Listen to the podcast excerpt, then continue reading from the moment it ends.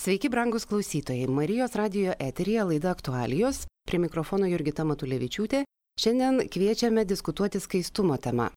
Skaistumas visais laikais buvo dėmesio centre, nes tai kalba apie vieną didžiausių žmogui Dievo suteiktų kūrybinių galių - žmogaus litiškumą ir ne tik. Tai labai intimi erdvė, kuri yra mūsų asmeninio ryšio su Dievu vieta. Taigi, naudodami savo lytiškumą ne pagal Dievo valią, užteršiame šį ryšį ir tampame nepajėgus priimti visų gerų dalykų, kuriuos Dievas mums nori duoti. Mumise negali veikti dieviška kūrybinė gale. Ir tai mes tampame nevaisingi ir kaip asmenys, ir kaip visuomenė. Nepaisant to, skaistumas šiandien dažnai suvokiamas kaip belitiškumas ir greičiau tapatinamas su silpnumu, kvailumu, nei su kūrybinė gale ar gyvenimo būdu, kuris veda į laimę. Skaistumo savoka taip iškreipta, kad šiandieninės seksualizuotos kultūros kontekste dažnai net nėra suprantama kaip norma, greičiau kaip nukrypimas nuo jos. Taigi šiandien laidoje dalyvauja kunigas Audrius Mikitiukas, garbėsiu Kristui, sesuo Salėzėtė Liucija Grybaitė, garbėsiu Kristui. Ir trys jaunimo atstovai - Jūra, 20 metė, studijuojanti mediciną čia su mumis studijoje Kaune. Ir kiti du Asmenys tai būtų Linas ir Žymantė Marijos radijos studijoje Vilniuje. Abu yra 21, Žymantė studijuoja Dailės akademijoje, o Linas studijuoja politikos mokslus. Visi šie trys jaunuoliai yra apsisprendę gyventi skaistume ir mielai sutiko paliudyti savo asmeninę patirtį. Taigi, pradėkime mūsų diskusiją. Skaistumo savoka šiandien gerokai iškreipta, kaip jau buvo minėta, arba suprantama labai siaurai. Taigi, kas yra skaistumas iš tikrųjų? Kunigė Mikitiukai, gal jūs pradėtumėt? Jeigu kalbėtume apie skaistumą, tai visų pirmiausia, reikėtų atskirti, kad turbūt skaistumas tai nėra visų pirmiausia kažkokie tik tai, ką mes galvojam, darbai, patirtis ar aistros, bet štai važiuodamas čia į Marijos radiją klausiau laidą, kurią vedė kunigas Kestutis Dvareckas ir jisai kalbėjo apie priklausomybės. Tai turbūt reikėtų visų pirmiausia skaistumą pradėti nuo skaiščių minčių. Visi darbai, sakykime, tik tai yra pasiekmes to, kas yra mūsų mintys, mūsų širdį, mūsų galvoj. Tai šiandieną žmonės didžiausia rūpesti turbūt yra sumetę vis dėlto kažkodėl į valgymą arba nevalgymą. Sakykime, mėsos penktadienį.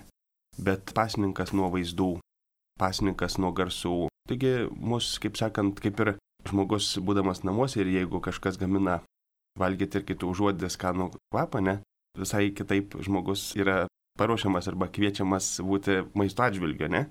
Lygiai taip pačiai, sakykime, šiandieną įvairiausi vaizdai, televizija, daug nuogumo, aišku, kuris jau taip beveik net neveikia, kaip seniau veikdavo.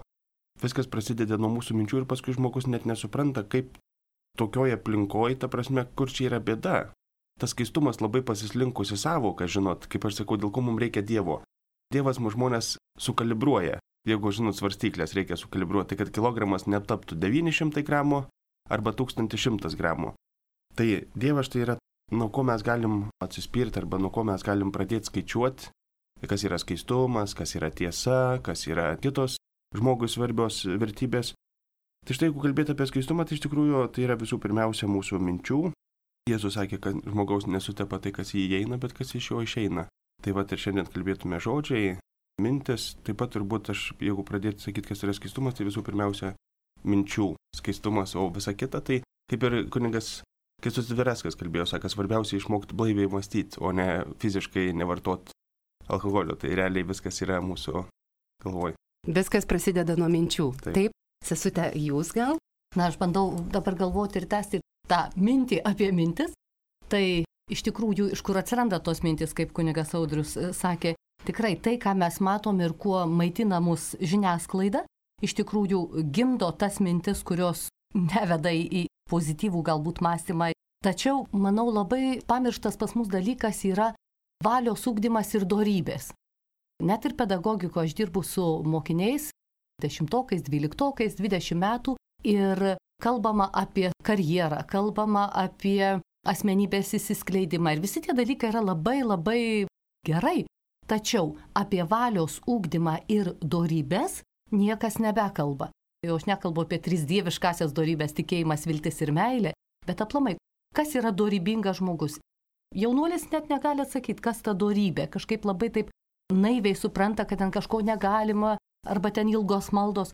O iš tikrųjų, jeigu nuo mažumės žmogus yra negrūdinamas, ta prasme, mokėti atsisakyti iš pradžių gal kažkokio saldainiuko, paskui mokėti pasidalinti su kažkuo. Net ir hygieniniai dalykai savo kūno, laiko apsiplovimas ir taip toliau ir taip toliau, visi maži dalykai, kurie veda į tam tikrą tvarką, nes žmogus netvarkingas, kada miegu, kada noriu, kiek noriu, valgau, kada noriu, ką noriu, kaip noriu, tai nei sporte nepasieks nieko, nei bet kurioje kitoje šalyje. Žiūrėkit, kiek moka atsisakyti žmonės dėl karjeros, nežinau, kad ir balete, kad ir sporte, kad ir kažkur ar ne. Ir visi sako, kad net ir lytinis susilaikimas prieš varžybas ir visi tie dalykai, kas žmogų kaip tik stato ūkdo.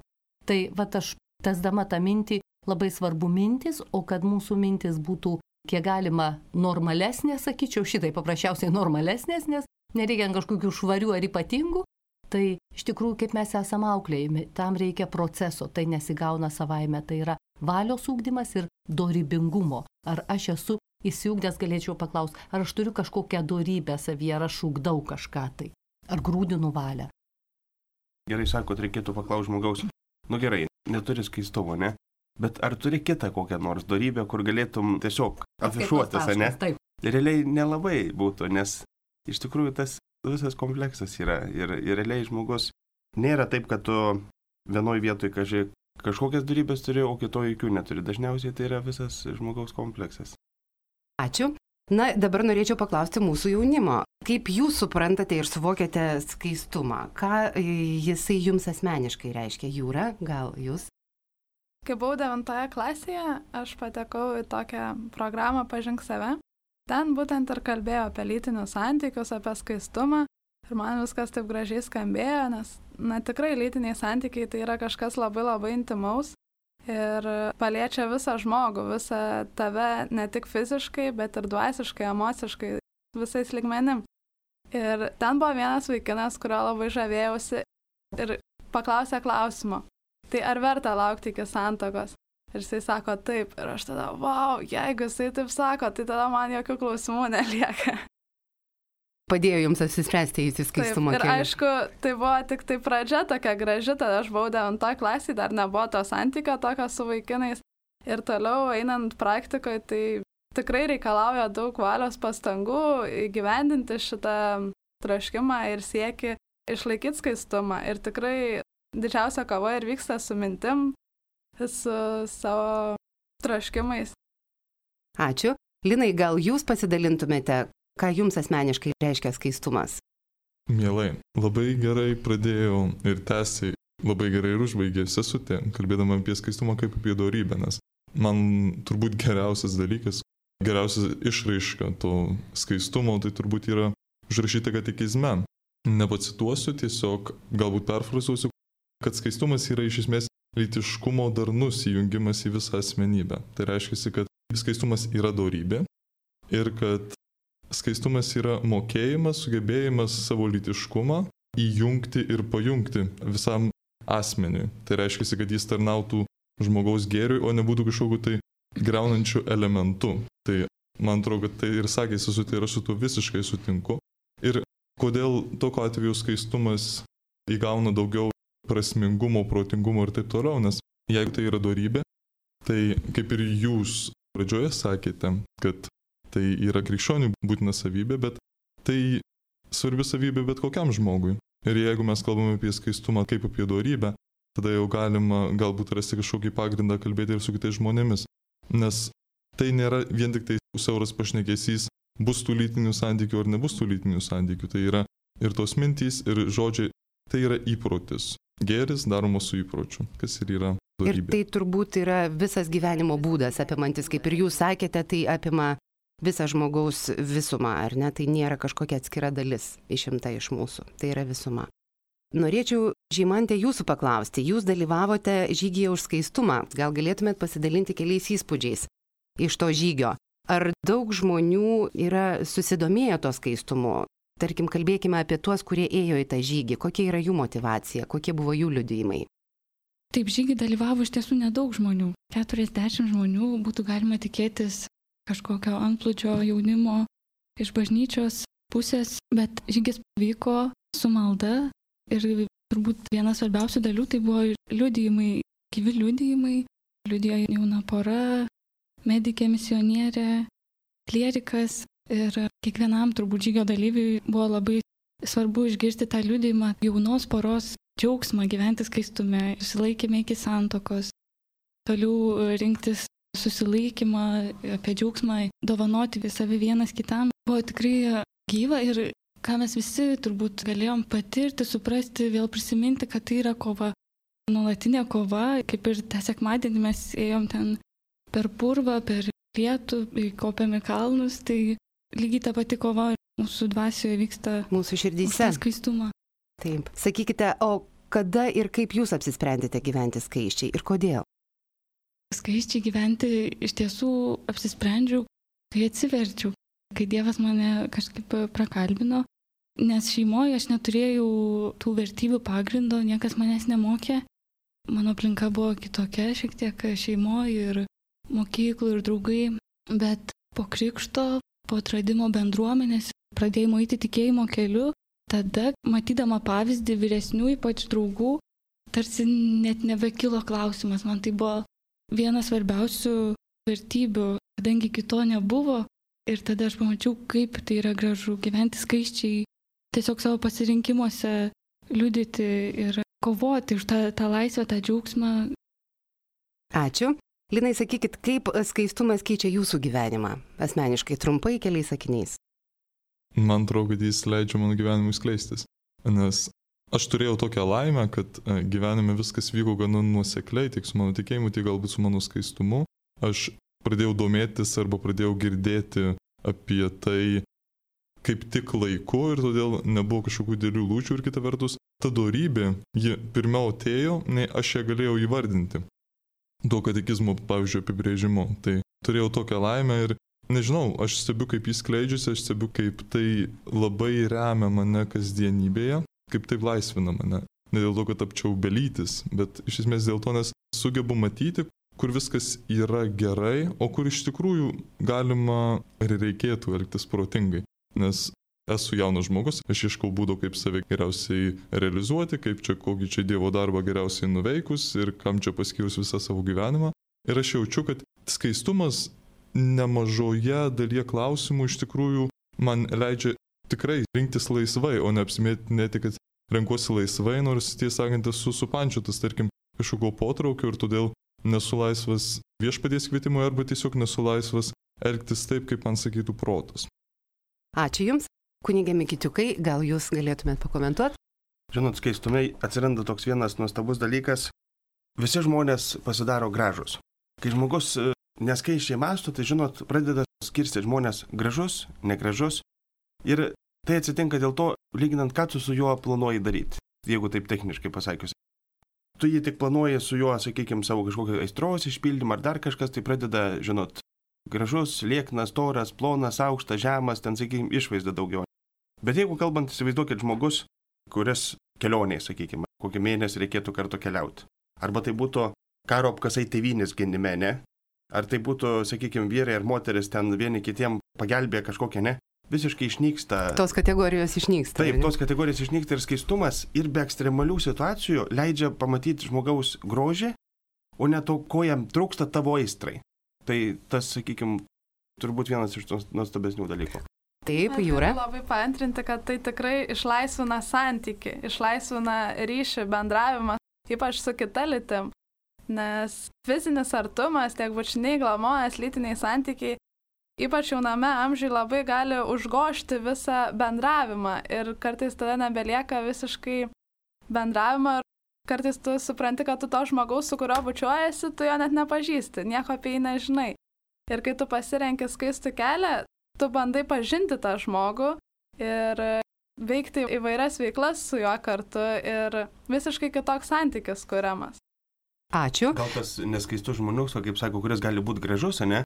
Bet gal jisai jau serga kokią lytiniam lygom, ait, suprantat, ir visą kitą, jis yra realiai tavo priešas, tavo pagarbai savo.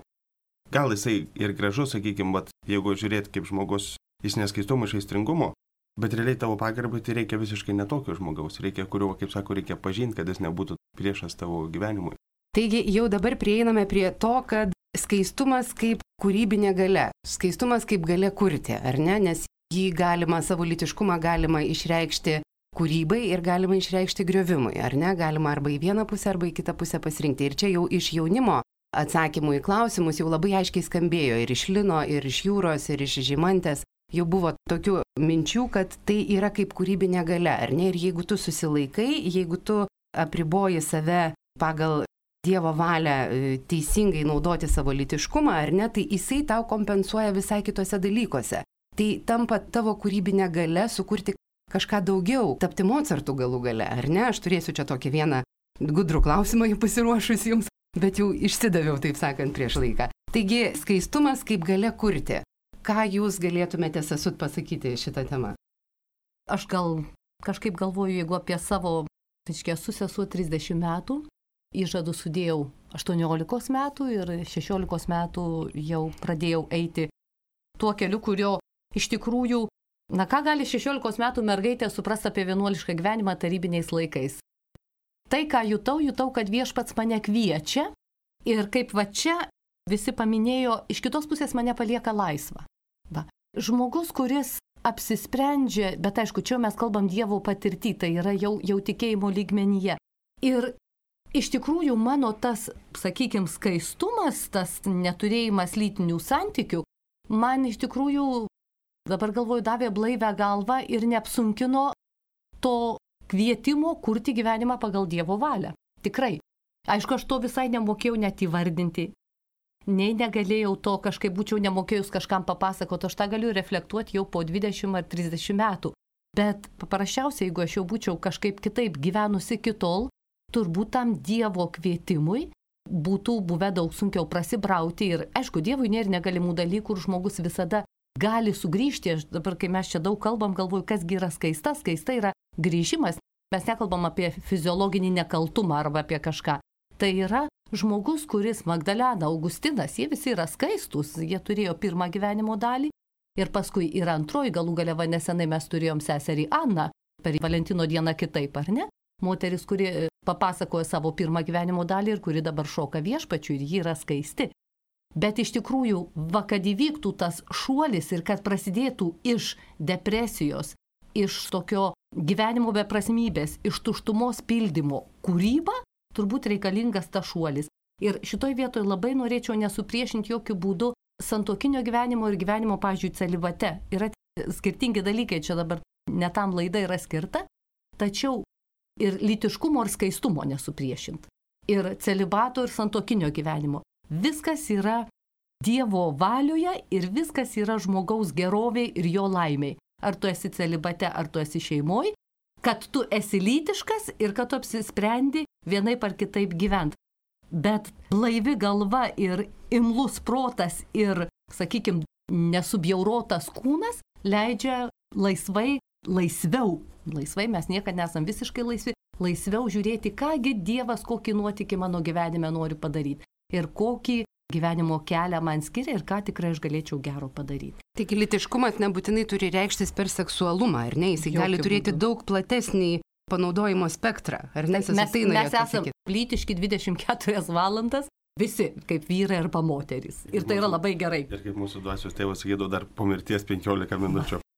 Taigi nepamirškime šito, turime labai didelę galę, ar ne, kurią mums davė taip, Dievas, tik išmokime naudotis. Tai atomas Taip. Realiai, bet su atomu gali ir atominį ginklą sukurti naikinimui ir elektrinės yra, kurios gamina energiją ir apšviečia mūsų gyvenimus, o ne tai, kur išnaudosi tą visą jėgą. Taigi dabar turiu paruošusi tą savo gudrų klausimą, kurį jau esu minėjus. Skaistumas kaip gale kurti. Žmogus per savo litiškumą yra apdovanotas kūrybinė gale, ar ne, kaip jau mes čia išsiaiškinom. Gale kurti gyvybę, santyki, grožį, gėri, geresnį pasaulį. Jei ši gale naudojama tik egoistiniais tikslais, savo malonumui ir pasitenkinimui, kūryba tiesiog neįvyksta. Ar ne? Sutinka turbūt su to. Tai dabar mano klausimas skamba taip. Ar galima sakyti, kad taip kūrybinės galios yra išvaistomos ir nepanaudojamos ir mūsų visuomenė praranda tuos, kurie galbūt galėjo tapti Mozartais arba Antony Gaudy arba kažkokiais kitais ar ne žmonėmis. Toje vietoje galvoju, kad mes kalbam apie na, litiškumą, apie seksualumą, apie jo teisingą ar neteisingą naudojimą, bet kurgi viso to ištakos. Aš įsivaizduoju, kad jeigu jaunam žmogui, ir kadangi su jais dirbu, pasakyti, nu, žinai, reikėtų būti skaiščiam, supranti, Šiaip tai tu galėtum daugiau susilaikyti, va čia tų pornografijos nežiūrėti ir taip toliau ir taip toliau, tai jis, nu, arba nusišypsotų, arba dar pasiūstų, arba sakytų, žinai, ką aš neki, ko neišmanai ir taip toliau. Bet jeigu mes pradėsim kalbėti apie meilę, baigėsi. Ir jeigu to vaikino paklausi, ar tu norėtum merginos savo sužadėtinės šešių vyrų pabandytos su septintas, ar tu norėtum skaiščios, viskas kažkaip raumenukai kitokį pasidaro veido, akytės taip ir labai paprasta tokia, na, finalas labai aiškus, kad visiems aišku. Arba kaip aš jaunimui sakau, įsivaizduokit, sakau, vaikinam. Vat jūs užaugino dukrą, jau dukrai 16 metų, ir dabar ateina pas jūs vaikinas koks nors, vat 20 metų ir sako, tėvai, duok savo dukrą, aš ją pabandysiu. Pabandysiu, jeigu mums patiks, gerai mes gyvensim, jeigu ne, nu. Gražinsiu. atleisk. Gražinsiu. Jo, imk, imk, sunelį, tik gerai bandyk. Tik bandyk. Bet čia laikinė visuomenė būtent tai ir laiko norma iš tikrųjų. Tai kaip aš dabar ją vesiu ar ne, nepabandęs iš tikrųjų. Matot, kaip yra čia, jeigu apie tą pabandymą. Dabar įsivaizduokit, kai sako, jeigu nepatiks. Ir aš sakau, kvailiai jūs. Įsivaizduokit, kai tu neturi patirties. Aš atsimenu, kai aš buvau, nežinau, 11 klasėje ir mane tokia panelė norėjo pabučiuoti ir, ir jinai taip kažkaip, žinot, ir aš tą jos artėjimą aš atsiminiau tris paras. Ir žinot, ir dabar sako, tau gali nepatikti, kai tu patirčių jau turi va tiek ir tau kažkokia nevykus patirtis. Bet kai tau pirma patirtis, ar tai būtų bučinys, ar tai būtų prisilietimas, tai čia kalbos nėra apie nepatikimą, suprantat, nesąmonė kažkokia, kitaip tariant, kai pirmą kartą, jeigu būtų yra skaistus, ten nėra kam nepatikti. Galima persisotinti ir tada nebepatinka, ar ne? Bet... Problema yra tame gal, kad vyrai irgi berniukai, sakykime, nėra vėl auklėjami. Kažkaip jie nori skaiščios patyrusios moters, suprantat? Kas yra Nesuderinama. nesuderinama. Taip, Jūra. Biologiškai vyras ir moteris jie negali netitikti vienas kito. Mes taip sukurti esam, kad tiesiog neįmanoma netitikti. Ir dar vienas dalykas, kas labai svarbu, apie ką visai dabar tiesiog pamirštama, kad jeigu jau lytinis gyvenimas ir lytinis aktas yra meilės viršūnė, į ką einama, tai reiškia reikia ateiti kito. Tai reiškia reikia pažinti vieniem kitus. Turi būti daug kitų bendrų sąlyčio taškų. Turi būti nueitas psichologinis kelias, įpročių, vertybių, viso kito ir tada jau ateinama į tą viršūnę. O jeigu tu iš karto pradedi nuo to, visa tai užgožė ir viskas apsiverčia aukštinkojom. Tada sako, bet mes neturim jokių bendrų pomėgių, mums tik lovoj gera. Nu, kaip pavyzdys pasakysiu, įsivaizduokit, dėl ko aš irgi, dėl daugelio dalykų bažnyčioje, ten, sakykime, ko dėl žmonių paruošimo santokai. Įsivaizduokit dabar, bet kurį gatvį, bet žmonių paimkim, pakrikštikim neparuoštą, sutokim, arba atsveskim bažnyčią ir duok komuniją jam. Sakytų, aš va, ne, neprieimęs komunijos, ai tai einam duosiu, ne? Nu ir kas? Nu į nieką. Nieko. Nieka, ta prasme, lygiai taip pačiai žmogus, kol jisai nesubrendęs meiliai, jis net, net nesupras, kas čia įvyko, kaip Kornigas Nerbeko sako, kad santokinis, lytinis aktas įmanomas tarp dviejų susituokusių žmonių. A kiti sako, a mum ir paprastas gerai. Mums Nereikia nereiks santokinio. Taip. Tai ką praranda tie žmonės, kurie turi štai tokį mąstymą? A- Aš manau, kad jie iš vis praranda normalią, tikrą galimybę mylėti. Tie žmonės, kurie nori išbandyti vienas kitą prieš santoką, jie kaip ir sako, jei mums pavyks gyventi kartu, tai aš tada tave myliu. Bet iš tikrųjų esmė reiktų sakyti, aš tave myliu, todėl žinau, kad mums pavyks gyventi kartu. Netaip sudėlioti taškai, ar ne? Ne ten akcentai sudėlioti. Kaip mūsų Vilniečiai laikosi? Gal jūs norite kažkaip įsiterpti į mūsų diskusiją? Ar kol kas ne? Man atrodo, kad galima jau įvardinti tą priežastį, dėl kurios žmonės kalba apie tą pabandymą ir taip toliau, nes aš esu jau linkęs manyti, kad jie supranta šitus dalykus ir jie supranta, kad tos meilės reikia ieškoti netgi žino tiksliau tuos kelius link jos. Tiesiog tas skaistumo atstumimas arba visi argumentai, kurie sugalvojami, kad reikia pabandyti, man atrodo, yra pataikavimas savo. Jie supranta, tiesiog neturi drąsos elgtis pagal savo supratimą ir todėl elgesi pagal įgeidžius ir sugalvoja proto pagrindimą tam, nors nuoširdžiai dažniausiai jie tuo netiki. Visi filmai, visi romanai kalba apie vieną meilę. Ir ta meilė yra tikra, jeigu jinai yra ištikima. Meilė be ištikimybės neįmanoma. Serialai apie daug meilių, tik tai. Taip, va. O tai, kas yra tikra, ir dabar man kažkaip prisiminė tikrą istoriją, ir tai buvo, ne viena buvo, bet konkrečiai, pavyzdžiui, partizanai, kurie buvo sutuokti miške, viena 18 metų, reiškia, mergina, partizanas, kunigas sutokė miške ir paskui jo kūną rado ant aikštės ir šita mergina liko viena, jinai antrą kartą netekėjo. Ir vis tiek prieš tokias istorijas mes galim tik nulenkt galvą. Tai, vad kai, kai bažnyčia kalba įsiskyrusių selovada. Tai išsiskyrusių selovada ta prasme ne tai, kad kažkokiu būdu jų antroji santokai pritraukti, kad jie galėtų komuniją primti. Išsiskyrusių selovada tai yra daugiau tas, kad išsiskyręs tiek vyras, tiek moteris savo situacijai nesudarytų kitos santokos, liktų ištikimi. Ir ta išsiskyrusių selovada arba pagalba tai būtų moteriai padėti kažkaip tos vaikus išlaikyti. Ar tai karitas, sakykime, ne? Dažniausiai žmonės, kai skiriasi, jie dažniausiai būna vienas kitam pasakęs skaudžių žodžių. Bažnyčios vaidmuo galėtų tarp jų abiejų tarpininkauti, ras būdų, sakykime, aplankant vieną ir kitą. Kažkaip, aišku, dažniausiai čia su vyrais reikėtų kalbėti, jie kažkaip nejaučia tos atsakomybės išlaikyti savo vaikus. Ir va tas karito, sakykime, arba bažnyčios tos misijinės, tai žmonėm padėti pagalbą ne tik duoti milto lėjaus ar, žinot, batoną, bet jiem tarpininkaujant taikdarių pozicijų, Jėzus sakė palaiminti taikdariai, jie bus vadinami Dievo vaikais, tai juos bandyti sutaikyti gal ne ta prasme, kad jie vėl suseitų, bet ta prasme, kad jie atsiskyrė, būtų labai gerai, kad liktų ištikimi, suprantat, arba bent jau rūpintųsi vienas kitu, nes santokiniai priesakai yra mylėti ir rūpintis vienas kitu. Tai tvarkoji, meilė, sakykime, viena dalis priesaikos, nu, nepavyko vienas kitą mylėti, bet rūpintis. Tai lieka pareiga ir tai įsiskyrus selovada ir būtų ta prasme, kad žmogui pasakyti gerai, nu, nepavyko dėl kažko. Tai gali būti priežasčių tikrai įvairiausių. Bet atsiskyrus pagyventi nebūtinai išeitis yra sudaryti kitą santoką, kad žmogus būtų laimingas. Tai vat, ir vėl tas žmonėm labai svarbu žinot, kad gal ir nebūtų tų skirybų tiek, nu aš tokį pavyzdį turiu, kad sakau, jeigu žmogus gautum kokį nors daiktą, seniau tas e, sovietiniais laikais būdavo žmogus gaudavo paskirą mašinai, kaip jis ją saugodavo? žinot, namų nešildys, garažą šildys. Ir jisai ją taupydavo, žino, kad kitos jo gyvenime nebus, tik šita. Ir tikrai yra net juokas, daugelis vyrų mašinas labiau mylėjo negu žmonas, suprantate, jie garaže vos nenakvodavo. Gal net ir myli. Dėl ko žino, kad kitos nebus. Jeigu su toktiniai tuoktusi tikrai aiškiai žinodami, kad jeigu vyras aiškiai suprastų, kitos moters mano gyvenime nebus, ir kito vyro moteris galvotų, nebus, iš to ir kiltų tas, žinot, meilė, rūpestis, skaistumas ir visa kita, kas tik įmanoma, nes kad tai žmogus yra, turi būti nepakeičiamas. Bet tai yra ir baisu žinoti, kad tas žmogus yra vienintelis tavo gyvenime. Dėl to skaistumo reikia labai daug drąsos. Labai daug drąsos.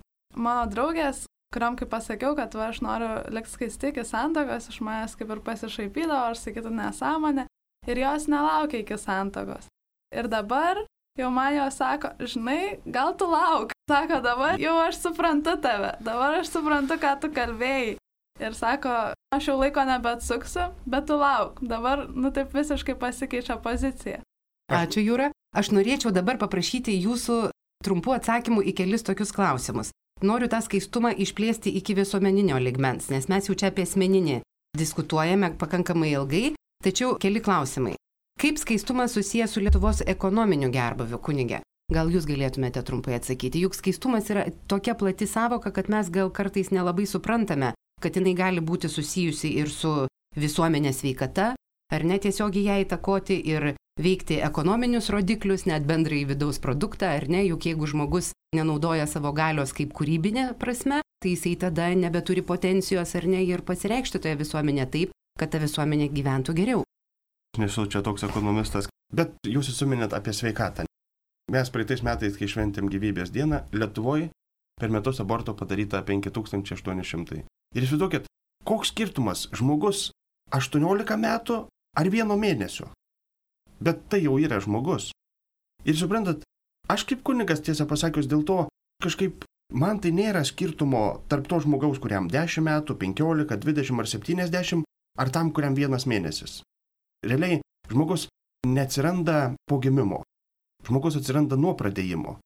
Ir įsivaizduokit, jeigu mes paimtume moteris, va kaip sakėt, kurios dėl neskaistumo patiria abortus, ne? Tai jau yra ekonomika tam tikra, kur moteris sveikata, psichika, jos darbingumas ir visa kita. Bet kitas dalykas, kurį čia užsirašiau paminėti, kad skaistumui iš tikrųjų reikalingas blaivumas. Aišku, kuo daugiau alkoholio, turbūt neskaistumas patirtis, turbūt 90 procentų būtų per neblaivumą. Dar aš norėčiau pridėti prie to gimstamumas. Niekas garsiai nekalba, bet jau aš kažką girdėjau ir jeigu klystų mane pataisykit, kad jau neoficialiai kas penkta pora Lietuvoje jau nebevaisinga. Taip. Daugiausia, didžiausias indėlis yra netvarkingo lytinio gyvenimo pasiekmė. Dabar iš tikrųjų labai dažnai kalbam apie lytinį švietimą, lytinį ugdymą ir paaugliam norima informuoti apie kontracepcinės priemonės, prezervatyvus ir kaip duodama, kad va turėkit, bent jau saugiai mylėkitės. O iš tikrųjų niekas nepaaiškina, kaip tie ankstyvi lytiniai santykiai sužeidžia žmogų, kaip tai pažeidžia visą meilę santykiai ir kaip tik reiktų aiškinti, kiek daug duoda tas būtent skaistumas ir kad tai yra vienintelis tikras ėjimas link meilės, link to tikro ryšio. Taigi mūsų laida artėja į pabaigą ir aš norėčiau prašyti visų laidos dalyvių jau po truputį rezumuoti. Gal turėtumėm tada kažkokių pastebėjimų, kaip ugdyti tą skaistumą asmeniškai ir bendruomenėje, kaip tai yra svarbu, esu gal jūs? Aš iš tos patirties, kurią turiu 20 metų dirbdama su jaunimu, jaunimui labai drąsiai sakau, netikėkite propagandą, kuri yra per masinės informacijos priemonę, nes tai yra lobistiniai dalykai, už to slypi dideli pinigai ir ieškokite gerų pavyzdžių, nes mes esame ne tai, ką girdime, o tai, ką matome. Ir ieškokite, žiūrėkite aplinkui save, aš kaip sakau, jeigu žmonės gyvendami aktyvų lytinį gyvenimą netvarkingą būtų laimingi, aš aplink save turėčiau matyti žiauriai daug žiauriai laimingų žmonių. Aš matau iširusią šeimas. Tai ieškokite gerų pavyzdžių, drąsos ir pirmin. Kunigė Minkitiukai, gal jūs porą sakinių pabaigai? Jeigu apie ugdymą, tai iš tikrųjų tai yra labai sunkus darbas, bet esmė yra tame, kad vat, to, ką mes šiandieną kalbam, tai yra pradžia apie tai reikia kalbėti, kalbėti, kalbėti ir kalbėti ir kalbėti. Ir, žinot, ir aš net nebejoju, kad, žinot, Lietuvoje tikrai ne vienas įstatymas ateityje išeis, kuris, nu, dėl jo kalbėjimo tikrai bus galbūt degalinėse kažkada, sakykime, ne. Lygiai taip pačiai, va šiandien mergina iš medicinos fakulteto Vilniečiai jauni žmonės. Taip, šita viena laida jinai nieko nepadarys, bet štai jūsų liūdėjimas, kai draugė sako, taip, žinai, tu nepralušiai. Ko gero mes būsim suklydusios, nes ne viena ašara dėl to teko nubraukti, ne dėl to, kuri po to atsirado nepagarba, neįvertinimas. Tai va, tas jisai tikrai per vieną dieną nei ateina, nei išeina, bet mūsų dalinimasis, mūsų kalbėjimas apie tai, aš manau, kad kad ir šita laida, jin tikrai paskatins ne vieną ir ne du žmonės pergalvoti, permastyti ir rinktis skaistumą. Sutikau tikrai daug žmonių, kurie galėjosi, kad nelaukia, bet nei vieno, kuris galėjosi, kad laukia.